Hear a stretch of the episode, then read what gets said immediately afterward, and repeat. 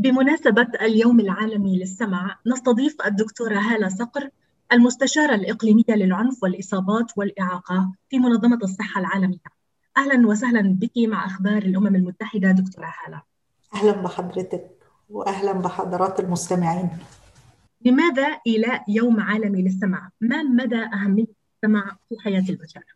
الحقيقة السمع واحد من الحواس آه، التي آه، حبانا بها الله سبحانه وتعالى آه، والتي عن طريقها بنستطيع التواصل مع الآخرين والتواصل مع الحياة والتعامل معها بشكل عام. وهو وسيلة للتواصل زي ما قلنا مع الآخرين وتطوير اللغة والتعامل. هذا التواصل يمكننا ليس فقط من التعامل اليومي ولكن أيضا للتعلم للانخراط في التعليم سواء كان نظامي أو غير نظامي والتعلم بشكل عام آه، يمكننا من أن نعمل من الآخرين. الأطفال إذا تصورنا إن طفل لا يس لا يستطيع السمع أو لديه فقدان في السمع هذا الطفل لن يستطيع التواصل أو الكلام مع الآخرين وبالتالي ممكن بيفقد عامل هام جدا في تطوره وفي نضجه خلال الحياة بما يؤثر على دمجه في المجتمع بشكل عام وده بالنسبة للجميع طبعا. دكتورة هالة بحسب التقارير 5.5% من سكان العالم يعانون من فقدان حاسة السمع ومن المرشح أن ترتفع هذه النسبة. لماذا هذا التصاعد في النسبة ولماذا هذه النسبة الكبيرة؟ الحقيقة إحنا عارفين أن سكان العالم ازدادوا بشكل عام آه، كثيرا في الأعوام الأخيرة. زائد إلى ازدياد عدد ونسبة كبار السن. وبالتقدم في السن بيؤدي إلى الانخفاض في الأداء الوظيفي بشكل عام بما في ذلك القدرة على السمع فده بيزود آه، هذا بيزود النسبة. إلى جانب ذلك آه، التحضر آه، زي ما بنقول من اللي هو الانتقال إلى المدن والكثافه السكانية في المدن والتكنولوجيات الحديثة والتعامل معها زيادة الضجيج والضوضاء مما يؤدي إلى فقدان في السمع. للأسف بيبدأ حتى بدري في آه، مرحلة مبكرا في مرحلة آه، الشباب آه، أو الضوضاء الناتجة عن عمل مواقع العمل أيضا ومواقع الإنشاء والبناء. إلى جانب ذلك طبعا هناك أسباب أخرى لفقدان السمع مثل بعض الأمراض المعدية بعض الأمراض الوراثية آه، أو الجينية وبعض المضاعفات المعينة التي قد تحدث للأم خلال الحمل والولادة. آه، واستخدام بعض الأدوية بدون استشارة أو تعليمات الأطباء. وده الحقيقة أيضا من المشكلات اللي آه، مشكلة للصحة العمومية آه، في العالم كله. وبعض هذه الأدوية بتكون سامة للأذن وبتؤدي إلى فقدان السمع. لدى مستخدميها.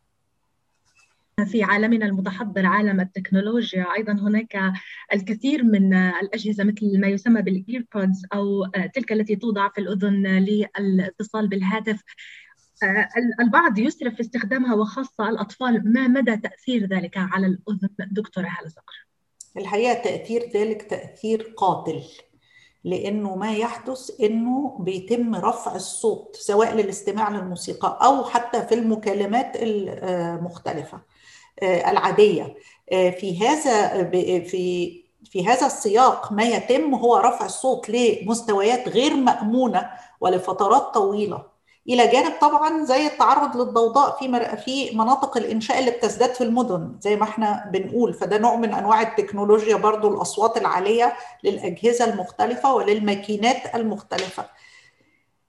هذا النوع من فقدان السمع إذا حصل لمدة طويلة بيكون غير قابل للعلاج وبيكون مستمر. يعني لا يمكن علاجه لا يمكن استعادة السمع مرة أخرى إذا حدث ذلك لفترات طويلة. لأن في بداية الأمر بيتم إجهاد للخلايا الحسية الخاصة بالسمع. فبعد مثلا حفلة صاخبة ممكن الشخص يحس بالطنين في الأذن أو تقل في السمع. بعد فترة بيستعيد السمع لأنه اللي بيحدث إن الخلايا الحسية بتستعيد حيويتها ولكن إذا حدث ذلك بتكرار ولفترات طويلة الخلايا الحسية لا تتمكن من استعادة حيويتها ويصبح هذا الفقدان للسمع مستدام ولا يمكن العلاج منه. فالحقيقة ده حاجة مهمة جدا ولهذا السبب أطلقت منظمة الصحة العالمية مبادرتها لجعل السمع مأمونا اللي هو اسمه سيف هيرنج ودي مبادرة في المنظمة الحقيقة بتطبقها في كثير من بلدان العالم للتصدي لهذا الأمر إذا يمكن الحفاظ على حاسة السمع قبل أن نتطرق إلى المزيد من التفاصيل عن ذلك أردت أن أسألك في منطقتنا العربية ما حجم هذه المشكلة حاسة فقدان السمع؟ الحقيقة البيانات الأخيرة بتظهر إن حوالي 78 مليون شخص بيعيشوا في منطقتنا بفقد السمع. ومنطقتنا هنا أو إقليمنا هو إقليم شرق المتوسط. إقليم شرق المتوسط هو واحد من ستة أقاليم لمنظمة الصحة العالمية. هذا الإقليم بيضم معظم البلدان العربية إلى جانب أفغانستان وإيران وباكستان. هذا الإقليم بحلول 2050 من المتوقع أن يزداد رقم من يعيشون بفقدان السمع فيه ل 194 مليون شخص.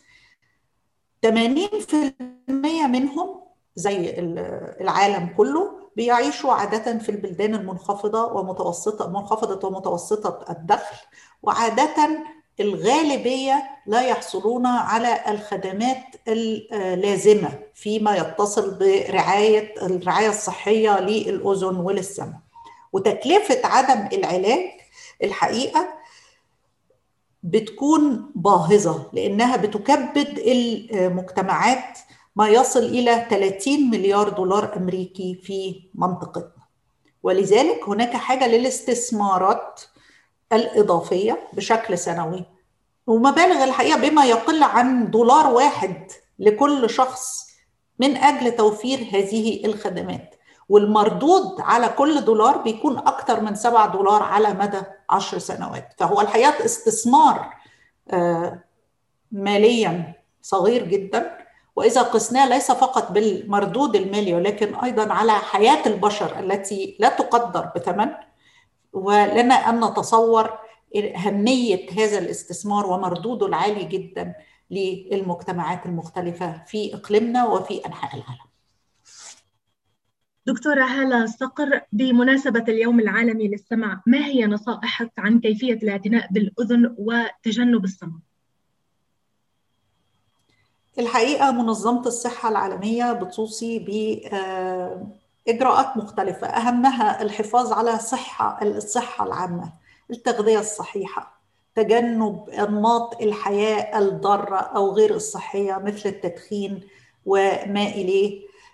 تجنب الضوضاء بما في ذلك الحفلات الموسيقية الصاخبة أو استخدام الهاتف بصوت عالي أو بالضوضاء في مكان العمل. لابد من استخدام كافة الأجهزة الواقية من الضوضاء في أماكن العمل التي يتعرض فيها الناس لهذا الأمر. من الأهمية بمكان الاهتمام بتغذية الأم ورعايتها الرعاية الصحيحة خلال الحمل والولادة حتى لا يتسبب ذلك في أي ضرر للجنين. من الأهمية عدم عدم أخذ الأدوية دون استشارة الأطباء دون إشراف الأطباء لأن بعض هذه الأدوية قد تكون ضارة أو سامة للأذن وتتسبب في فقدان السمع.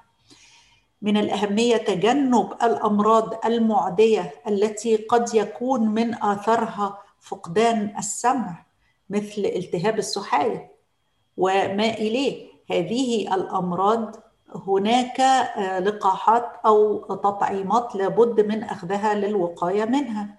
التهاب الأذن الوسطى لابد من علاجه بشكل مبكر. الكشف الدوري مهم جدا لأن كل ذلك من الممكن أن يؤدي إلى فقدان للسمع.